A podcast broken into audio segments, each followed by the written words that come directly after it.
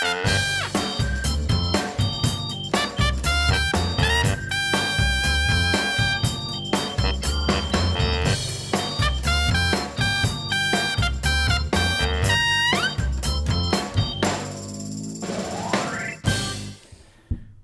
verlangen weer massaal naar de kerk in coronatijd. Maurice de Hond geeft tips aan CIP-lezers hoe je die kerk kunt inrichten. En predikant Tom Mikkers vraagt zich af of we van Hemelvaartsdag af moeten. En wat dacht je van Forum voor Democratie? Daar wordt mee geflirt door SGP-jongere Tom de Nooijen. Dit is de CIP-podcast. Yes! Wat een mooie we onderwerpen. Patrick. Heerlijk, heerlijk, heerlijk. Zin in ook. Van Oldenbroek tot eh, het CIP-kantoor. Daar gebeurt het allemaal. Ja, wat gebeurt er in Oldenbroek dan? Daar woont Tom de Nooijen. Oh ja. En hij werd natuurlijk uitgelicht in een prachtige aflevering van de VPRO. Die hebben wij Ja, bekeken. Ja, ja, En daar gaan wij eens eh, ja. eh, flink over door zometeen Ja. in onze Dat is analyses. een goed plan. Maar we beginnen natuurlijk, zoals we gewend zijn, Patrick, met... De ergernis van de week.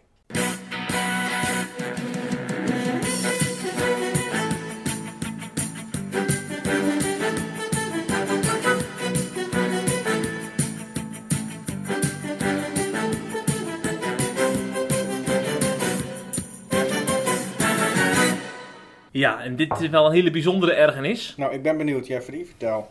Ik heb mij geërgerd aan de mensen die zich geërgerd hebben aan mijn columns. Oh ja.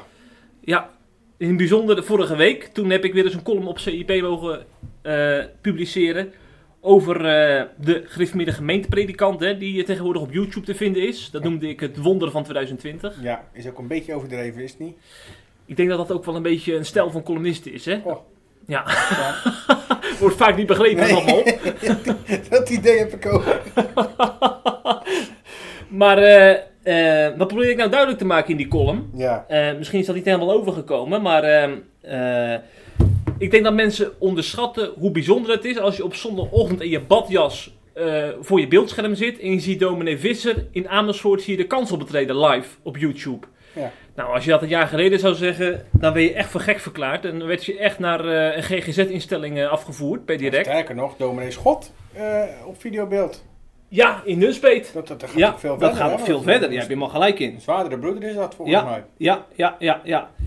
Dus ik heb proberen duidelijk te maken hoe bijzonder het eigenlijk is. Dat we echt in bijzondere tijden leven. Ook in de rechterflank van de reformatorische gezinten. En dat roept natuurlijk een belangrijke vraag op. Waarom hebben we überhaupt een virus nodig om een webcam in de kerk te installeren? Maar je zou denken, ja, argumenten verdwijnen toch niet zomaar door een virus. Principiële argumenten. Dus ik heb dat proberen in een column ook duidelijk te maken wat er, eh, wat erachter zit. En gelukt? Als sommige reacties te zien niet. Nee, volgens mij ook niet. Nee. Maar ik heb dus toegelicht eh, dat er in de, in de rechterflank van de reformatorische Mhm. gezinten, Mhm. dat daar een angstdeken hier ligt op, Ja. ja. ja, op dit soort nieuwe ontwikkelingen. Eigenlijk op alles wat nieuw is, hè? Op alles wat modern Ja. en nieuw is. En ehm, ja, dat blijkbaar dan zo'n virus zo'n deken dan even kan wegnemen. En kerkenraden springen daar dan gelijk op in, want dan zijn al die argumenten ook weg, hè? Ja. Eh, denk ik bijvoorbeeld aan argumenten zoals, eh, ja, eh, als, als jongeren dan op YouTube zitten, dan zien ze natuurlijk naast zo'n preek, zien ze misschien ergens een video van Gerrit Joling of van iemand anders verschijnen waar ze dan op kunnen klikken. En dat je dan te veel met de wereld in aanraking komt op zo'n medium. Ja. Ehm, ja, zo'n argument hoor je nou helemaal niet meer in coronatijd. Dus dan vraag ik me dan toch af, zijn die argumenten om tegen deze moderne ontwikkelingen te zijn dan wel zo sterk? Ja. En ehm, ik heb ook in die column heb ik ook verwezen naar dominee Baan, hè? Want dat is een predikant die in diezelfde gereformeerde gemeenten eh, actief is. En hij eh, stelt ook dat eh, we niet te veel naar gelegenheidsargumenten moeten zoeken om, eh, om ons bij YouTube aan te sluiten. Hij zegt ook het is een gemiste kans als hij bij YouTube wegblijft. Dus hij moedigt eigenlijk zijn achterban aan om dat zoveel mogelijk te doen. En ik denk van ja, als dominee Baan dat dan al zegt, waarom zou ik dan dat niet na mogen zeggen? Maar goed, ik heb er dan wel wat aan toegevoegd. Eh, misschien kan ik het beste even citeren. Dat is nog misschien een, een punt dat best wel gevoelig ligt in, eh, in onze kringen. In onze kringen nogal. Ja, we bevinden ons ook in de reformatorische Ja, maar ik Patrick. vind het zo gewoon... Nee. Jij zeker niet.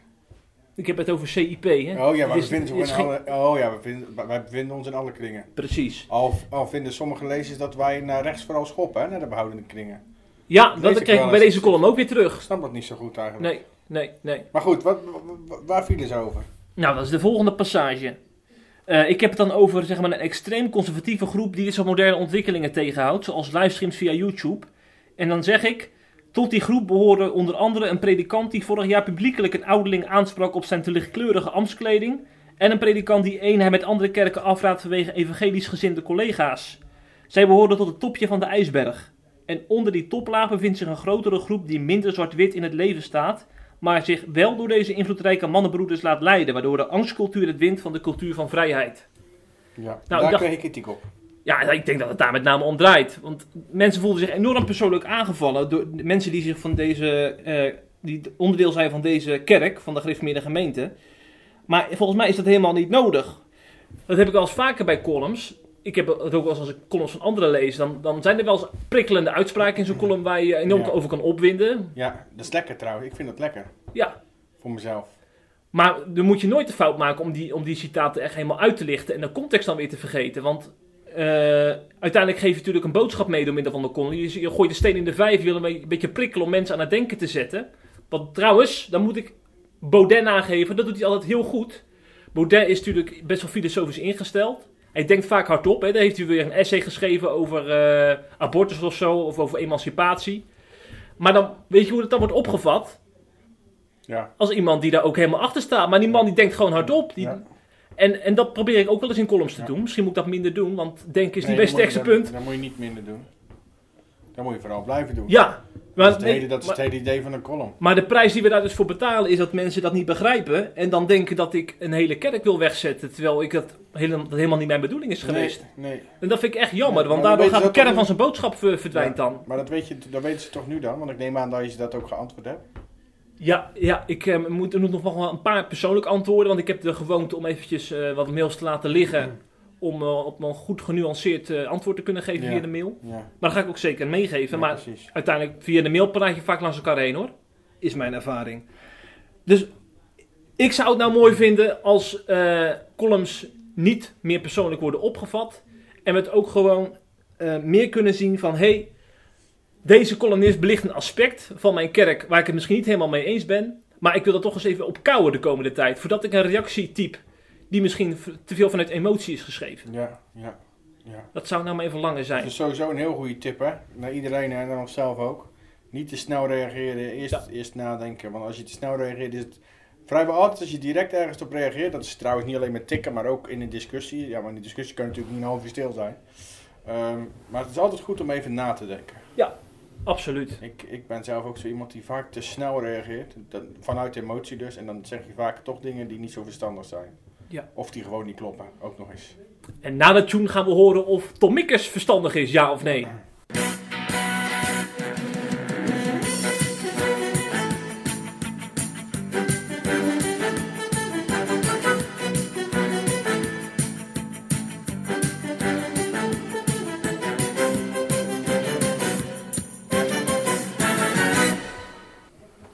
Nou, nee. is eigenlijk alles. Dit was nee, ergernis. Nee, nee, mijn ergernis van de week is inderdaad dominee Tom Mikkers. Ja. Ehm, Die staat Voor- niet van de gereformeerde gemeente. nee, nee, alles behalve. hè? Nee. Ehm, die, die was vorige week, vond ik hem al negatief opvallen. Dat hebben we ook in de Oh ja. podcast besproken toen. Ja, toen had hij een coronadebatje met Ja, Arnold Huig op de hij- radio. Inderdaad, inderdaad. En daarin stelde hij eh, bijvoorbeeld eh, dat kerken achteraan aan moesten sluiten. ehm, bij, bij het versoepelen van de maatregelen. Eh, met als reden, want bedrijven en andere dingen, organisaties moeten sneller op gang komen. Eh nou, Huygen merkte vervolgens terecht op eh, dat het een het andere helemaal niet uitsluit. Hè. Het, zijn helemaal geen tegenstellingen. Kerken ehm, werken door eerder open te gaan echt niet andere bedrijven of organisaties tegen. Dus dat was een heel, dat vond ik een heel vreemde, vreemde, vreemde opmerking toen. Maar goed, daar gaat het niet over. Het gaat over een tweet die hij op Hemelvaartsdag plaatste. Ik zal de tweet even citeren. Hemelvaartsdag hoort natuurlijk bij het verhaal van Jezus. Maar als feestdag voor iedereen heb ik er twijfels bij. Waarom geen innovatie van de christelijke feesten? Bijvoorbeeld een geloof, hoop en liefdedag. Daar wil ik best Hemelvaartsdag voor inwisselen, want die krijg ik niet uitgelegd. Ik weet wel wat voor vlag dan, eh, dan wordt opgehangen op Geloof, Hoop en Liefde dag. Einde citaat. Een regenboogvlag waarschijnlijk. Ja, daar ben ik ook al bang voor. Maar goed, dat terzijde. Ehm, kijk, naast het enorme kom ik weer. Weg met ons gehalte van deze hele tweet. Hè? Eh, het lijkt alsof hij de christelijke cultuur weg wil hebben. Eh, heb ik me vooral geërgerd aan, aan het gemak waarmee hij dit, dit zegt, hè? waarmee hij dit wil doen. Joh, het hoort wel bij het verhaal van Jezus. Maar een feestdag? Nee joh, laten we er een, een algemene feestdag van maken. Waarbij we vooral, vooral lekker in algemene termen kunnen gaan praten als geloof, hoop en liefde. En vooral niet over het radicale evangelie van Jezus. Hè? Laten, we dat maar, laten we dat maar even weghouden. Ehm, en dan die argumentatie ook die hij erbij geeft. Hè? Want ik krijg het niet uitgelegd. Nou, surprise, de hele Bijbel krijg je niet uitgelegd. Als je die argumentatie gebruikt, uh, ja, dan kan je de Bijbel dicht doen. Maar goed, daarom is die waarschijnlijk ook remonstrant geworden, Tom Mikkers. Ehm, want als ik naar de website van de remonstranten surf, dan is letterlijk het eerste wat ik zie is een slogan... Geloven begint bij jou. Nou Jeffrey, dan komt de revo in mij naar boven en ik zal je vertellen. Het begon bij God, het begint bij God en het zal altijd bij God beginnen. En dan nog een verrassing, daar eindigt het ook. Ehm, alsof er in ons iets goeds zit. Het begint bij jou. Vergeet het maar. Maar goed, dat was even, even, even een zijbruggetje. Ehm, hij wil dus dingen gaan uitleggen, omdat we het niet kunnen uitleggen. Dan moet je eens echt tot je door laten dringen. Ja, stop maar met de kerk dan. Stop maar met geloven. Uh, doe de Bijbel maar dicht. Leef lekker zoals jij wil. Want dat kan je misschien wel uitleggen. Maar geloof kun je niet uitleggen. Dus het is echt, echt een heel slecht argument. Ik, moest, toen ik het las uh, en, de, en de reacties die erop kwamen, moest ik onwillekeurig denken aan, aan een uitspraak van Jezus. Um, die zei de nacht voordat hij, voordat hij, uh, de nacht voor het lijden, zeg maar. Toen zei hij tegen zijn discipelen: jullie zullen, jullie zullen allemaal aan mij geërgerd worden deze nacht. Nou, dat gevoel kreeg ik heel sterk bij, bij dominee Tom Mikkers, dat hij geërgerd werd aan Jezus. Dat, dat gaat ver, dat weet ik, maar dat gevoel kwam echt in me op. Het lijkt een beetje op uh, Jezus wegduwen uit het geloof. Weet je wel, alle belangrijke, belangrijke momenten rondom zijn leven, uh, sterven, opstanding, hemelvaart, wegstoppen omdat mensen het niet gaan begrijpen. Nou, niet voor mij en niet voor heel veel andere kisten, zou ik je zeggen. Maar die Mikkers heeft natuurlijk wel gewoon oprecht verlangen. En dat is dat die boodschap ook doordringt op, tot mensen die helemaal de Bijbel niet van binnenuit kennen. Nee, dat wil hij natuurlijk. Hij wil de boodschap wegduwen. Ja, en daar zoekt hij middelen voor. Die natuurlijk best wel ver gaan. Ja. Maar volgens mij, zijn intentie is wel ver gaan, goed. Best wel ver gaan. Zijn intentie is goed. Ja, ja, maar wat is dan het volgende? De opstanding wegduwen? Mensen, de opstanding begrijpen Ja. mensen ook niet, Jeffrey. Eh, eh, een, een man, een god die mens wordt en vervolgens zichzelf aan het kruis laat, laat nagelen. Terwijl die dit kan doen en eraf kan Gaat stappen. nog verder dan hemelvaart, wat mij begrijpen betreft. mensen ook niet. Dus dan kan je alles weg, dan kan je alles wegdoen van het geloof. De hele kern is weg. Want het geloof gaat om Jezus namelijk. Dus ja, dit- ik geloof best de goede intenties inderdaad hoor. Maar het, het, het, het, het- het lijkt op een soort, wat ik net zei, valse schaamte. Weg met ons gehalte van, laten we vooral een algemeen verhaaltje van maken. Nou ja, dan heb, hou je uiteindelijk helemaal niks over behalve lege, holle praat. En dan kan je misschien wat mensen mee bereiken voor een korte periode. En daarna zijn ze alsnog weg. Want dan komen ze erachter dat het heel hol is en dat het heel leeg is.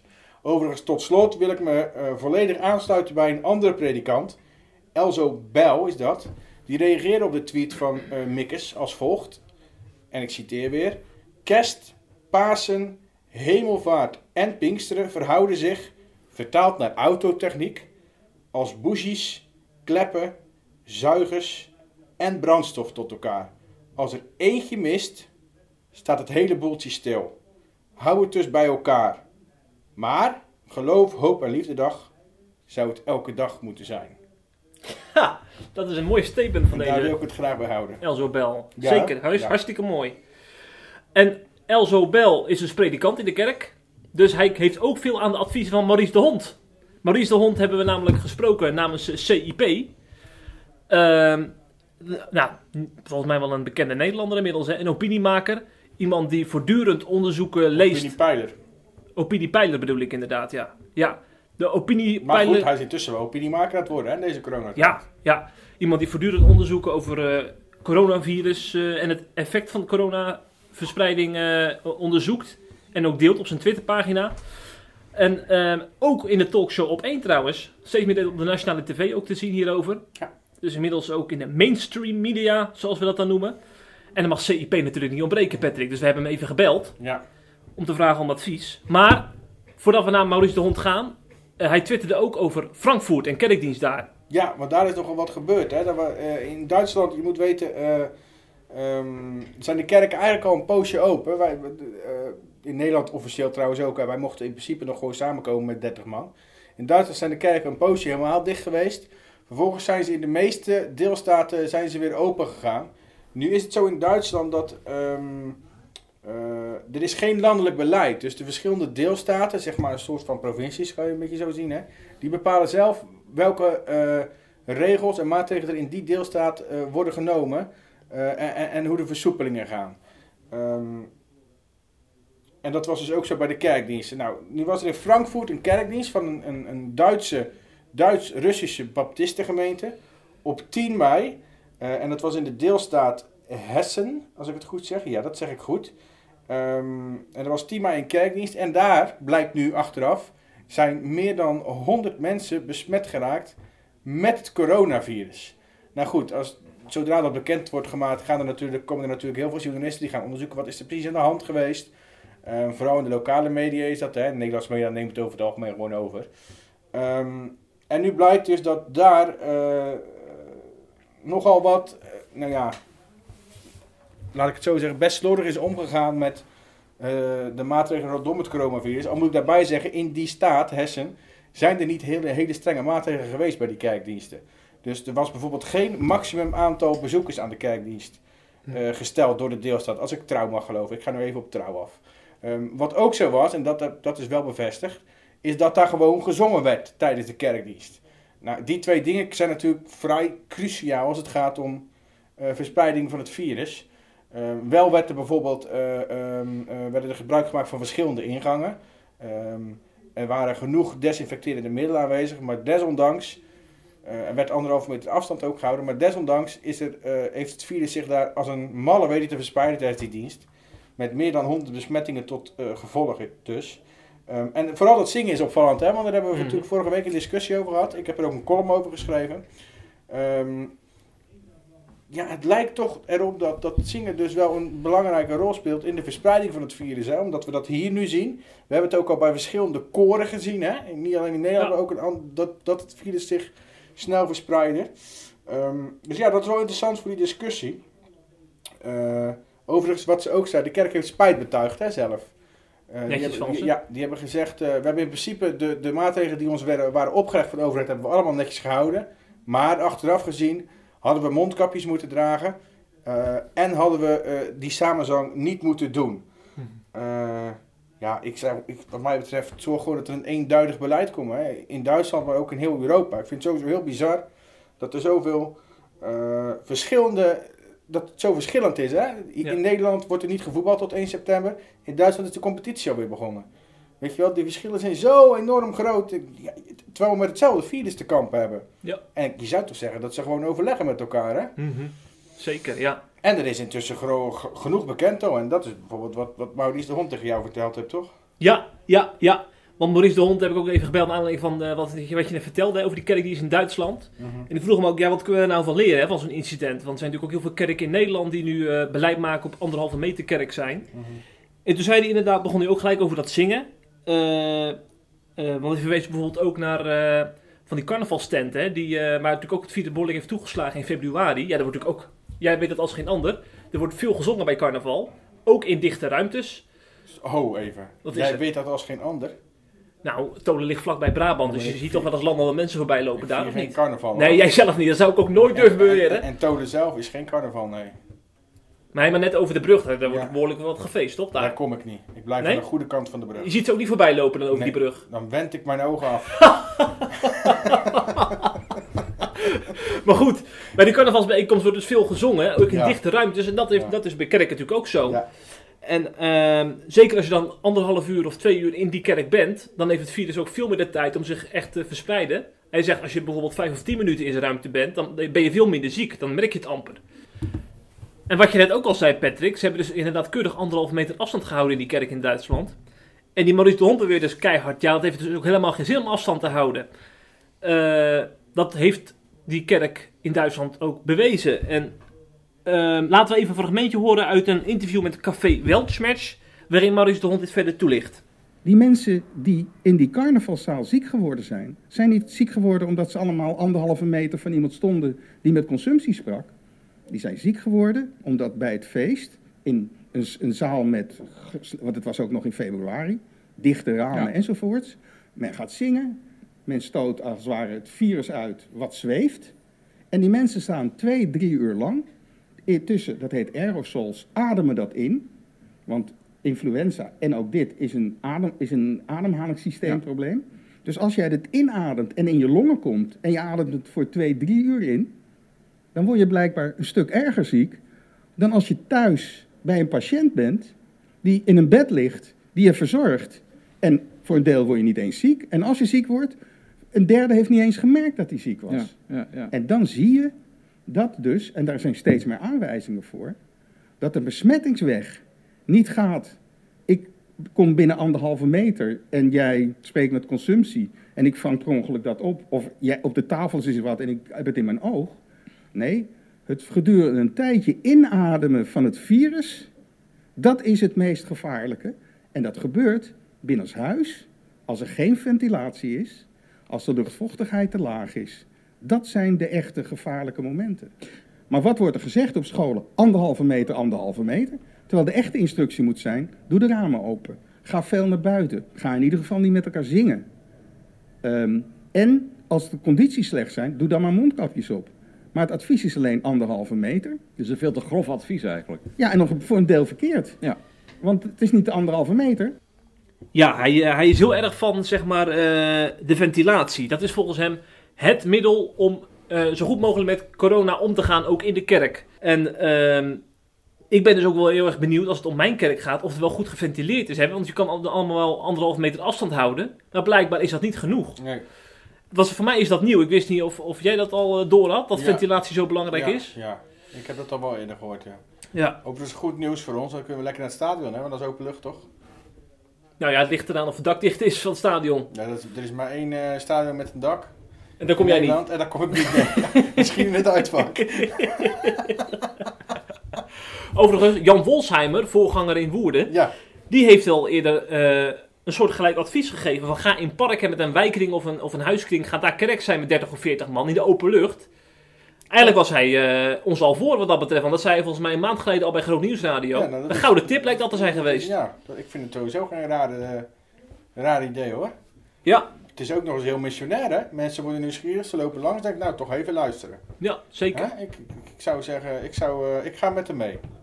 En eh, Maurice de Hond beveelt ons dan ook aan om openluchtdiensten te houden. En over het belang van eh, buitenlucht, openlucht, vertelt hij ook in Café Weltsmatch. last but not least, gaan we naar ook allerlei onderzoek, laat dat zien. Buiten wordt bijna niemand besmet. In China is een onderzoek geweest, 1200 mensen onderzocht, twee buiten. In Japan is een onderzoek geweest, in Duitsland, het onderzoek wat wij nu in Nederland doen, voor mensen die dat zelf kunnen invullen, hè, onderzoekcorona.nl, blijkt bijna niemand wordt buiten besmet. Waarom word je nou buiten niet besmet? Niet omdat je niet op laat ik, anderhalve meter, want nee, je wordt niet besmet omdat de aerosols, die blijven niet hangen. Nee. In de buitenlucht verwaait het of stijgt het op. Dus de buitenlucht is een eigenlijk compleet veilige omgeving. En ik raad alle CIP-lezers aan, kijk het interview van ruim een half uur terug op de YouTube-pagina van Café Weltsmerch. Ik vind dat de- deze Maurice de Hond echt wel nuttige dingen zegt. Natuurlijk, je moet ook naar de virologen luisteren, want we houden niet van eenzijdige geluiden. Maar deze hoor ik te weinig in de media, Ja, vind ik persoonlijk. oké. Ja, ik geef dit toch eventjes mee Ja, nou, aan de mensen. dankjewel. En dat geef ik ook mee aan de Raad van State, want het is ook belangrijk dat zij naar dit soort adviezen luisteren. Ja, want die, daar kwam nieuws over naar buiten, hè, vandaag geloof ik, hè, vanmorgen of gisteren. Gisteren, ja. Ehm, SGP en D66 hadden een motie ingediend. eh, waarin ze eigenlijk een adviesaanvraag deden aan de Raad van State. ehm, over de coronabeperkingen die voor kerken zijn opgelegd. Hè? Dus de bekende maatregelen die we de afgelopen maanden hebben, ge- hebben gehad. Ehm, en dat is eigenlijk, daar kwam eigenlijk een heel opvallend eh, ehm, ehm, adviesrapport uit voort. Of een adviesrapport, een advies, ja, adviesrapport. Ehm, de Raad van State zegt namelijk dat de overheid het op de verkeerd heeft aangepakt. Want als de overheid religieuze samenkomsten met meer dan 30 personen in een gebouw wil gaan verbieden, wat ze dus hebben gedaan, hè, dan mag dat alleen via spoedwetgeving. En de spoedwetgeving, dan, wetgeving, dan moeten zowel de Eerste als de Tweede Kamer moeten daarover vergaderd hebben ehm, en ermee akkoord zijn gegaan. Ehm, en dat is dus niet gebeurd, want ze hebben, het kabinet heeft het nu op, op, een hele andere manier aangepakt. Ze hebben dit verbod namelijk geregeld door middel van een zogeheten noodverordening. De burgemeester als hoofd van een bepaalde veiligheidsregio, ehm, die liet die noodverordening dan uitgaan, waardoor kerken werden verboden om met meer, en moskeeën ook, met meer dan 30 personen samen te komen. Maar nu stelt de Raad van State dus dat dit niet volgens de grondwet is. Hm.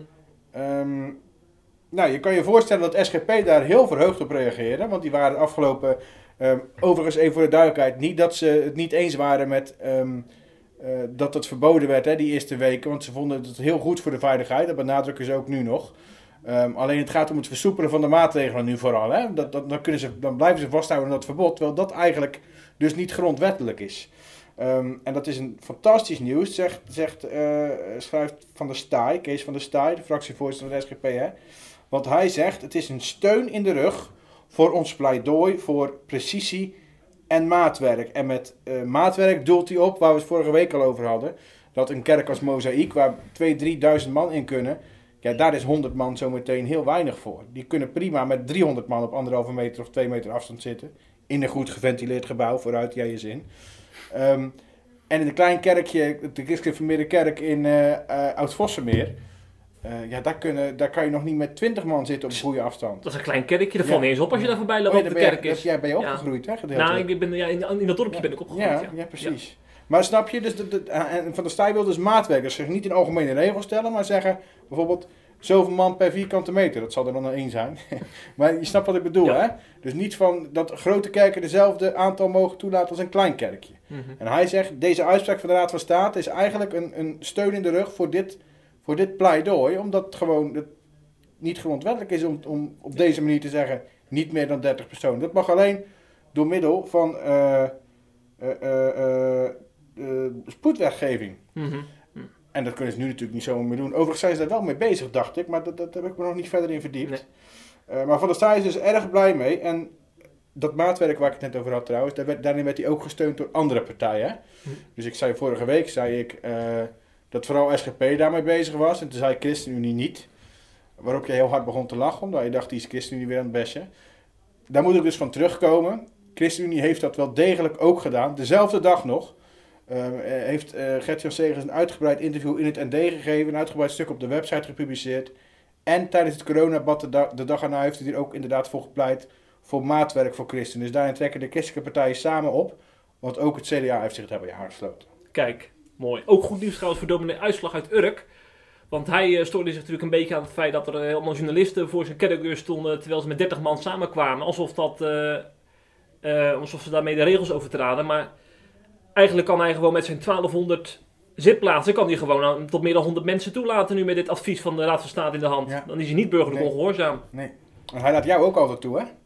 Ja, ja, ik ben van harte welkom daar in, uh, in zijn pastorie. Heel Zeker. Mooi, heel mooi. Ja, ik heb er nog eens een keer een podcastje opgenomen zelfs. Weet je nog toen we op Urk waren? Ja, toen heb je met mij een podcast ook opgenomen. Ben je ook met jou opgenomen? en ook nog met de uitslag, ja. Moeten we maar weer eens doen naar Urk gaan. Ja, snel weer naar Urk toe. Ja, lekker. Uitslag, we komen eraan. Lekker een visje eten ook tussendoor. ja, heel goed ja. Zeker. Ik stel voor dat we deze podcast even onderbreken voor gemeentezang. Want dat missen we nou natuurlijk in de kerk. Dus laten we dat in de podcast eens even extra inbrengen. En dat doen we met een lied dat speciaal is gezongen voor mensen die nu eenzaam zijn in deze coronatijden, voor ouderen. En dat klinkt als volgt.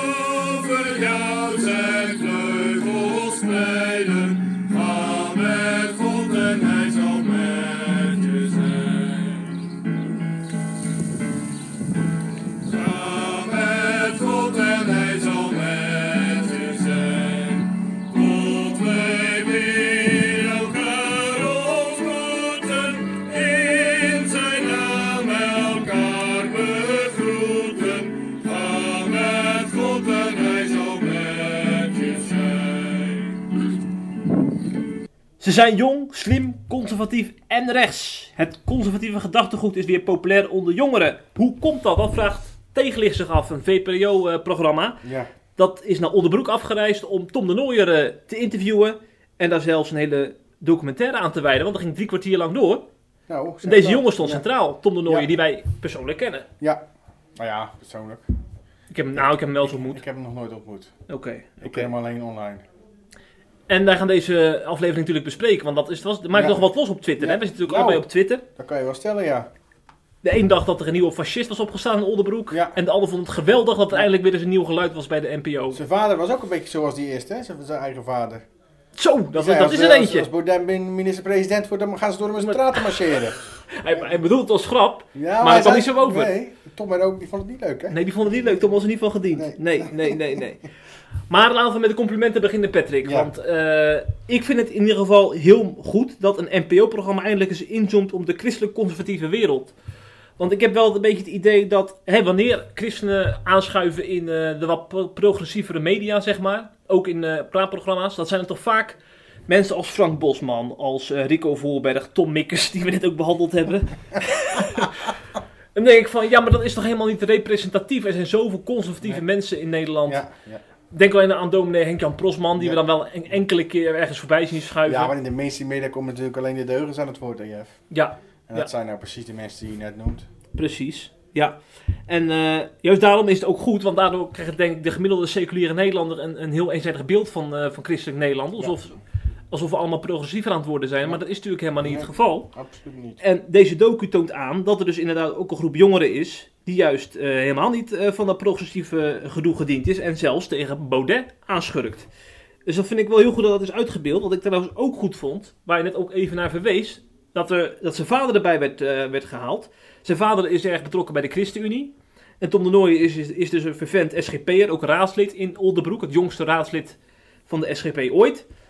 En eh, ja, in die eh, fragmentjes in die docu, waarbij ze dus met elkaar aan het discussiëren zijn, zie je heel goed eh, dat ze het niet met elkaar eens zijn vaak. Hè? En eh, dat ze er ook gewoon in die, in- aan die keukentafel over Ja. kunnen hebben. Dat Ja. vind ik goed, Ja, om dat eens in beeld te krijgen. Heel goed.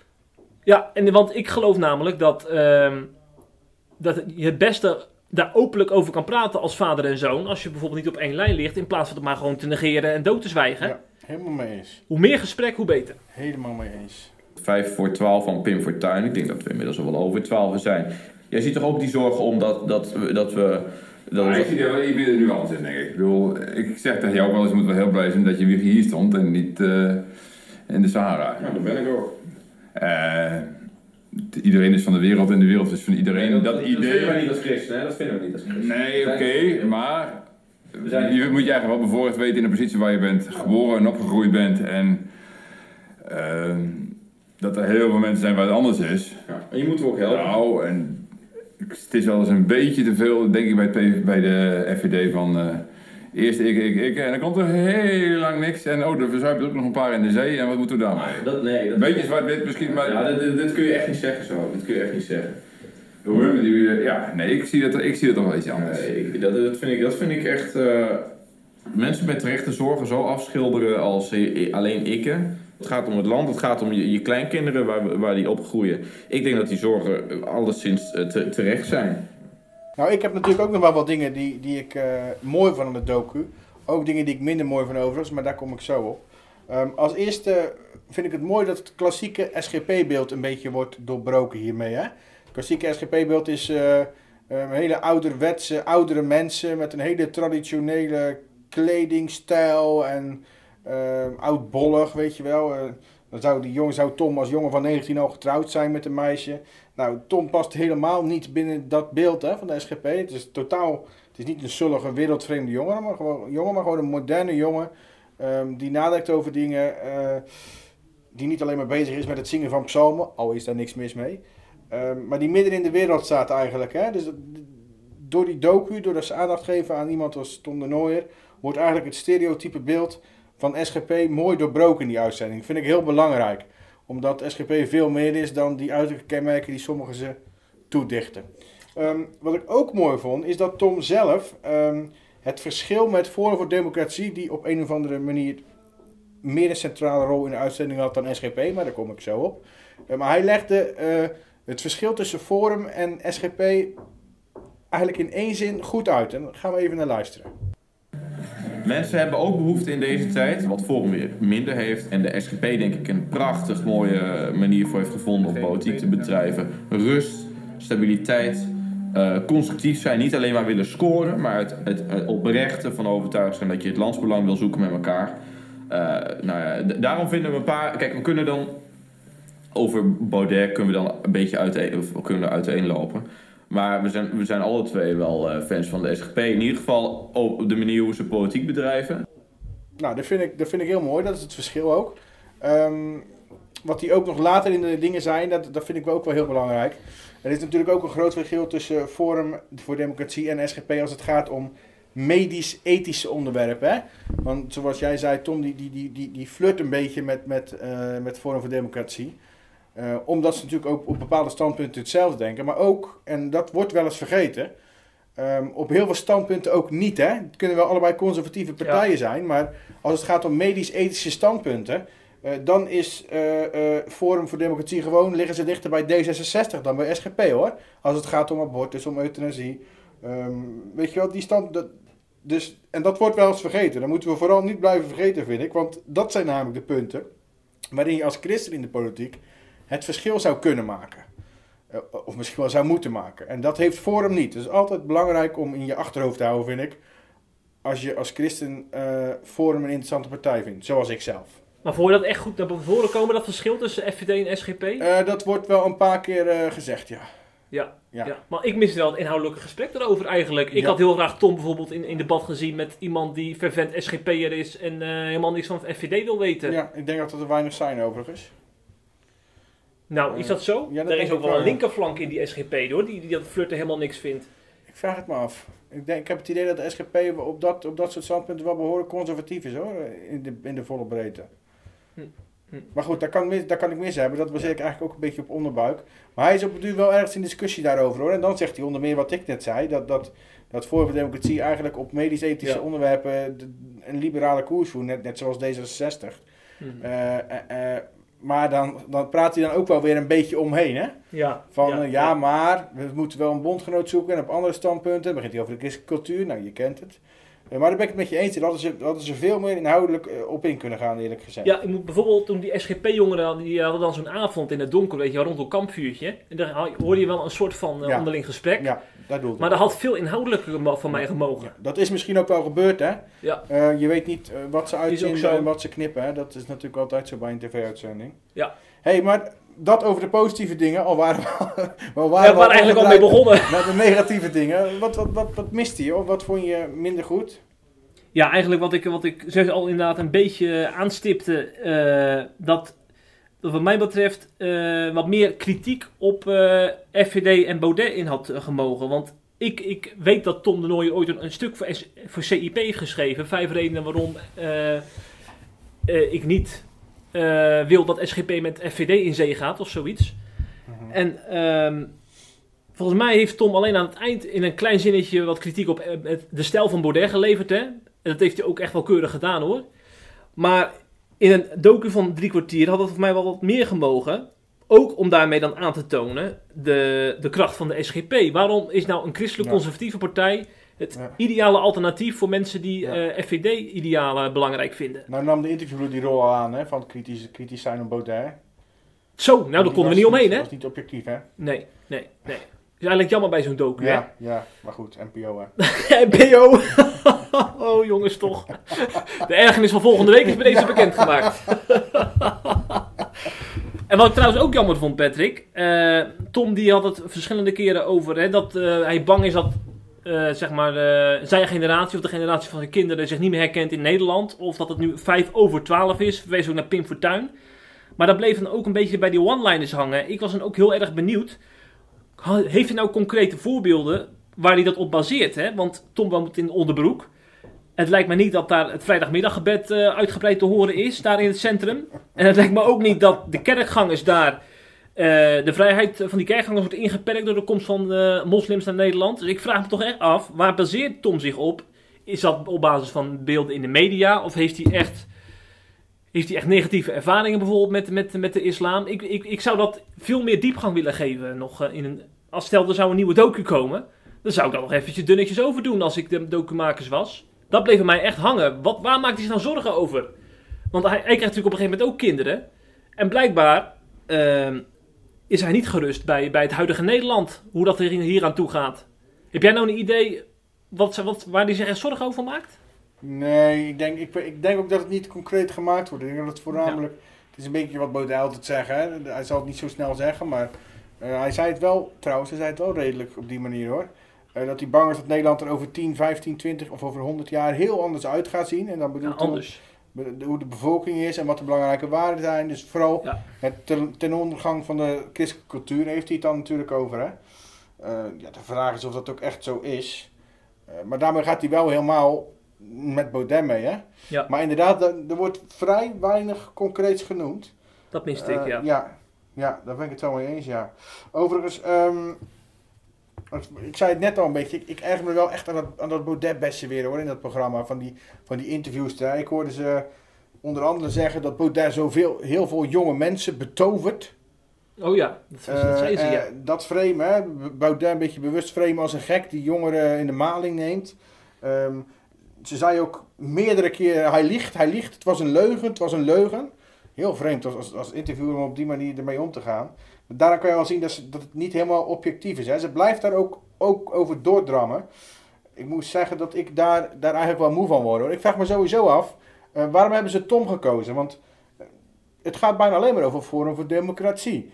Eh, Waren de, de jongeren van FVD dan op? Wilden ze niet meewerken aan het programma? En hebben ze daarom, kwamen ze daarom bij een SGP terecht?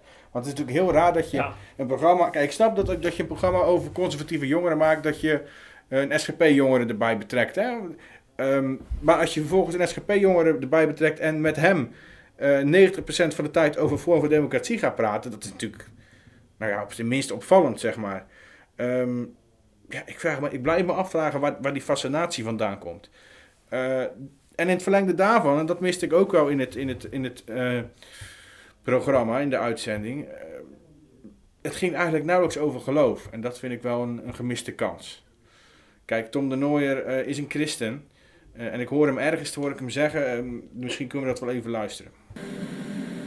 Hoe zou je deze tijd waarin jij jong bent omschrijven? Een tijd waarin heel veel mensen zoeken. Zoeken naar zingeving.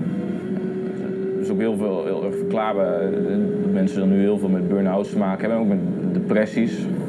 Ik zal niet ontkennen dat ik ook wel eens met vragen zit. Maar het christelijk geloof biedt ontzettend veel houvast voor me. Gewoon een antwoord hebben op levensvragen. Dat, dat ook, het geloof dat ook zin geeft aan je leven. Ik heb me eens proberen voor te stellen hoe dat zou zijn als ik dat niet zou hebben. Als ik niet gelovig zou zijn opgevoed, maar er ook niet een bewuste keuze voor zou hebben gemaakt.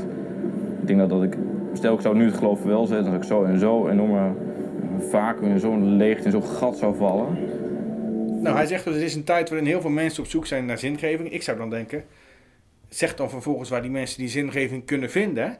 Want eh, ehm, ik heb eigenlijk in de uitzending niet echt een getuigenis van zijn geloof gehoord. Sterker nog, de naam van Jezus wordt geen enkele keer genoemd. Behalve eh, bij een fragment waarin de vader van Tom aan tafel uit een dagboekje leest. Oh, wel uit het goede dagboekje overigens, van de GZB. Ehm, daar, daarin wordt de naam van Jezus genoemd, maar verder komt de naam van Jezus helemaal niet voor. En dan zou ik zeggen, dat is echt wel, echt wel een gemiste kans. Al moet ik daar wel bij zeggen, wat ik net tegen jou Ja. ook al zei. Je moet wel in je achterhoofd houden dat, dat, dat er natuurlijk gemonteerd is. Hè? Dus Zeker. hetzelfde heeft hij, eh, dat weten wij niet, heeft hij uitgebreid eh, over Jezus gesproken, over God Ja. gesproken, over zijn geloof gesproken, maar is dat er gewoon uitgehaald. Ja. Dus we moeten oppassen met oordelen erover. Maar het viel me in ieder geval op. Het is een- of een keuze van Tom geweest, of een keuze van het programmamakers. Hoe dan ook, Jezus is eruit verdwenen. Ja. Dat En staat in ieder geval Op vast. de Twitterpagina van Tom de Nooijen komt hij nog wel, wel regelmatig te sprake. Hè? Dan deelt hij wel eens een psalm of zo, of een mooi, eh, mooi vers. Ja, ja, dat klopt wel, ja. Ja. Maar goed, eh, dat lijkt me wel, kijk, om er even op door te gaan. Het is natuurlijk wel de kern van de SGP. Dat gaat om geloof. Dat gaat om Jezus. Dat gaat om politiek bedrijven vanuit de Bijbel en vanuit je geloof in de Heer Jezus. Eh, En als dat onderdeel dan helemaal niet voorkomt bij Mhm. zo'n programma, ja, dan Ja. gaat het niet meer over de SGP. Zeker. Wordt SGP eigenlijk weggezet als een soort slap aftreksel van Forum voor Democratie. Terwijl het naar mijn mening, maar goed, dat zeg ik ook vanuit mijn christelijke overtuiging, andersom is. Forum is een slap aftreksel van SGP. Mhm. Eh, want SGP die heeft veel meer een basis Ja. in de Bijbel. Mhm. Maar goed, ja, ik, ja. Overigens waren de reacties ook niet mals hè, op, op Twitter. Ja, er kwam heel wat eh, voorbij. Eh, ik heb eh, de meest eh, gruwelijke reacties maar eventjes weggelaten, want die mensen willen natuurlijk geen podium geven. Maar er waren ook een aantal wat le- leuke, prikkelende reacties. Ik vond deze van, van Frans van Heest eigenlijk wel leuk. Dit is toch geen hardcore SGP, twittert hij. De moeder heeft een broek aan. Het, het werkt mee met VPRO-televisie. Op zondag wordt het uitgezonden. Ze lezen niet uit de Statenvertaling. Die mensen zijn hartstikke liberaal. Ja, ze kunnen er ook nog tegenaan kijken Dat natuurlijk. sluit overigens aan bij wat ik zei. Ja, dat, zei het, net. eh, dat het eh, stereotype van de SGP wordt doorbroken. Hè? Ja. Dus, dus Ja. ik vind dat juist positief. Ja, je kan het inderdaad ook op die manier zien. Ja. Ja, ja. grappig is dat. Eh, ik zag ook een tweet voorbij komen van Noortje van Lid. Ach ja. Zij twitterde het volgende. Conservatisme is het vasthouden van tradities, alles bij het oude willen laten. Dat gaat toch nooit lukken? De wereld verandert en de mensen moeten daardoor soms ongewenst mee veranderen. Ja, nou, nou, Noortje, hartelijk bedankt voor het uitleggen van conservatisme. Hè, dat wisten we niet. Ehm, ja, God, de wereld kan veranderen, maar God is eeuwig en altijd dezelfde. En God is van waaruit SGP politiek bedrijft, waaruit wij leven, proberen te leven, waaruit Tom de Nooijer ook probeert te leven. Ehm, dus je levensvisie als christen blijft ook hetzelfde als God hetzelfde blijft. Dan kan de wereld wel veranderen, maar God niet, nooit. Eh, overigens vind ik het wel fijn dat ze eigenlijk in, in, in haar eigen tweet ehm, toegeeft dat verandering ongewenst is. Waarmee ze eigenlijk conservatiever is dan ze zelf toe wil geven. Ja, dat had ik nog, nooit- nog niet eens bekeken, ja. Ja, ja. Dominee Elsbeth Grütke trouwens, die Nou. had ook nog een tweetje. nou, Ja, predikant in de protestantse gemeente Ja. in Zeewolde. die heeft altijd dezelfde soort tweetjes hè, als Baudet ter sprake komt. Ja, dat is wel opvallend, ja. ja. Eh, de af, die affiniteit die conservatieve christelijke jongeren hebben met Baudet blijft mij zeer verbazen, schrijft zij. Ook van oudere conservatieven trouwens, zoals Cor Verkade.